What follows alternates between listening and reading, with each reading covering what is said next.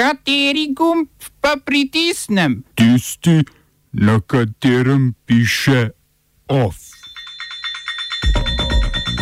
Biden podpisal 17 izvršilnih ukazov. Egipt in Katar obnavljata diplomatske vezi. Grčija širi svoje teritorijalne vode, Turčija ostro nasprotuje. Torek se v devetih regijah odpirajo šole in vrtci.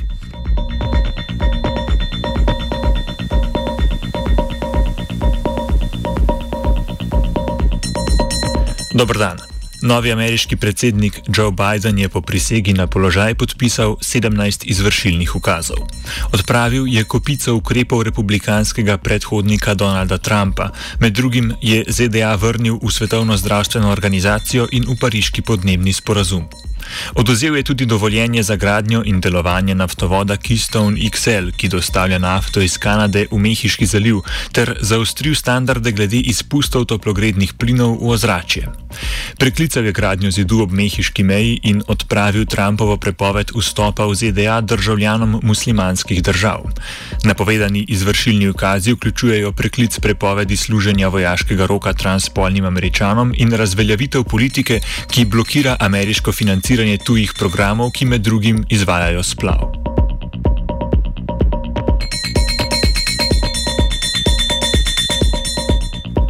Egipt in Katar sta napovedala, da končujeta triletni spor in izrazila željo po otoplitvi diplomatskih odnosov.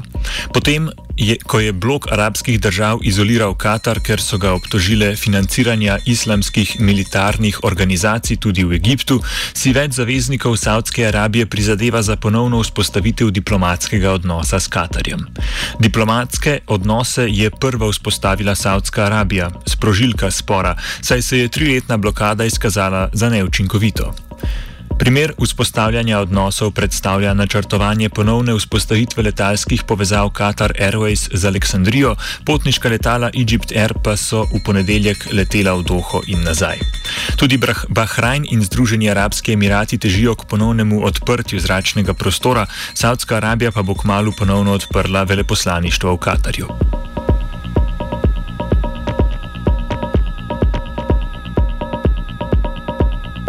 Grški parlament je z veliko večino potrdil zakonodajo o podaljšanju teritorijalnih voda države vzdolž njene zahodne obale z 6 na 12 nautičnih mil, torej z 11 km na 22 km. Vse stranke so podprle vladni predlog, izjema pa je opozicijska grška komunistična stranka, ki se je glasovanja vzdržala. Zakonodaja je v skladu s konvencijo Združenih narodov o pomorskem narodnem pravu, ki je leta 1982 določila, da smejo teritorijalne vode segati do 12 morskih mil od obale.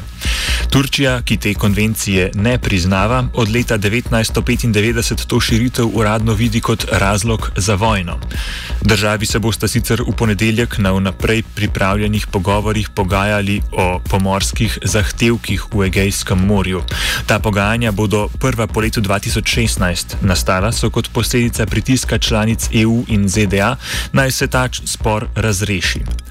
Širitev grške zahodne morske meje sicer neposredno ne vpliva na spor o pomorski meji s Turčijo na vzhodu, vendar Turčijo moti kakršnokoli grško upoštevanje konvencije Združenih narodov. Grčija želi na pogajanjih obravnavati le razmejitev morskih con v Egejskem morju in vzhodnem sredozemlju, Turčija pa meni, da bi bilo primerno pogledati še zračni prostor in status nekaterih otokov v Egejskem morju.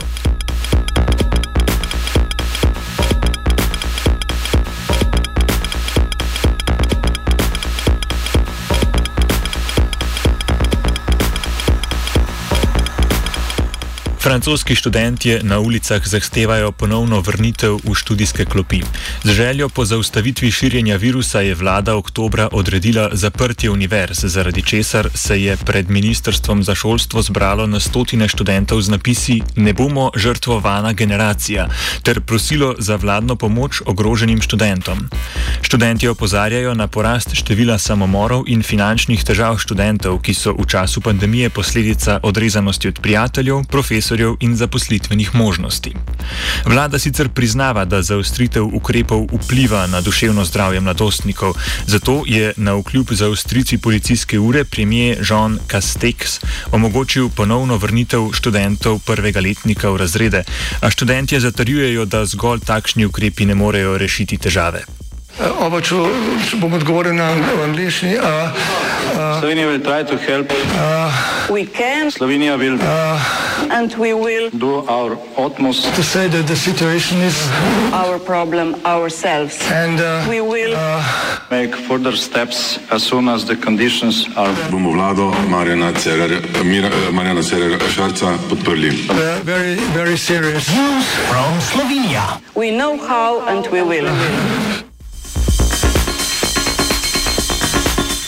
Torek se bodo v šole vrnili učenci prvega triletja in vrčevski otroci, študentom pa bo omogočeno opravljanje laboratorijskih vaj. Ukrepi se bodo sprostili v devetih regijah z najboljšo epidemiološko sliko. V srednje slovenski, gorenski, primorsko-notranski, obalno-kraški, koroški, podravski, pomurski, savinski in zasavski regiji bo pouk potekal po skupinah, ki se med seboj ne bodo mešale, njihovo velikost pa bodo določili ravnatelji.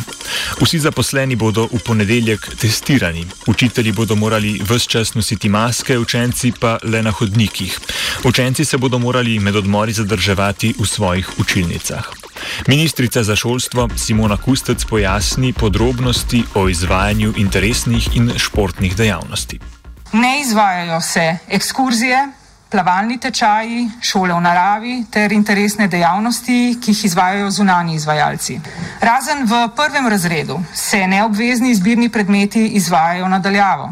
Dnevi dejavnosti se lahko za učence, ki se izobražujejo v šoli, izvajajo le v prostorih šole in ob upoštevanju strogih higijenskih in drugih priporočil.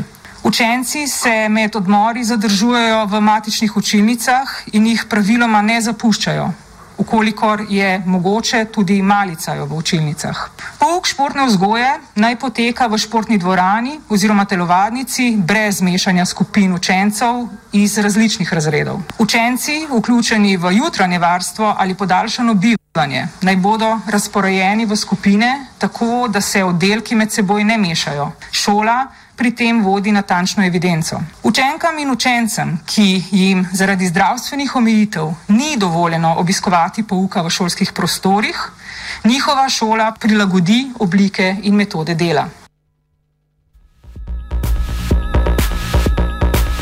Pogoje za sproščanje v posavski, goriški in jugovzhodni regiji bodo ponovno preverili v torek ali sredo.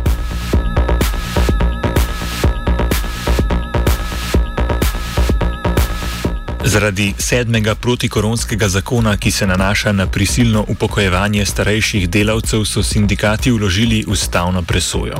Predsednica Zveze svobodnih sindikatov Slovenije Lidija Jerkič je ob tem ostro obsodila zakon, ki naj bi bil ustavno sporen, saj naj bi grobo posegal v sistemsko zakonodajo, pa tudi v pokojninski sistem. Sindikati opozarjajo, da bodo delavci, ki so dopolnili 65 let in imajo najmanj 15 let zavarovalne dobe, upravičeni upravičeni le do 29,5 odstotkov pokojninske osnove. Ta ukrep je po mnenju sindikatov nesorazmeren in bo vplival tudi na proračun ter na pokojninsko in zdravstveno blagajno. Od januarja je namreč mogoče odpustiti delavca, ki je dosegal pogoje za upokojitev in sicer brez navajanja drugih razlogov. Odvetnik sindikalnih central Istok Ščernjavič meni, da gre pri tej ureditvi za kršenje ustavnih načel pravne države in zlorabe nujnega zakonodajnega postopka in da naj bi šlo za diskriminacijo obravnavanje. obravnavanje obravnavanje človeka glede na njegovo starost. Diskriminacijsko obravnavanje človeka glede na njegovo starost. Evo pa smo. Zato sindikati predlagajo začasno zadržanje teh odločb.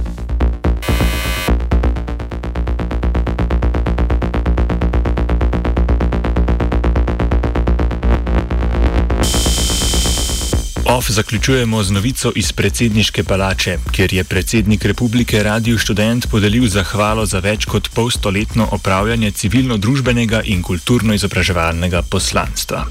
Pahor je izpostavil tudi ulogo Radia Student pri nekih dogodkih pred nekaj desetletji, ki pa so danes daleč v preteklosti. Zahvalo so prevzeli direktorica Radia Student Ana Kandare, odgovorni urednik Matjaš Zorec, urednika UR Hanna Radilovič ter RKHV Vid Bešter. Ob tej priložnosti je Pahor našim poslušalcem povedal, da. Verjamem, da je večina poslušalk in poslušalcev študentk in študentov.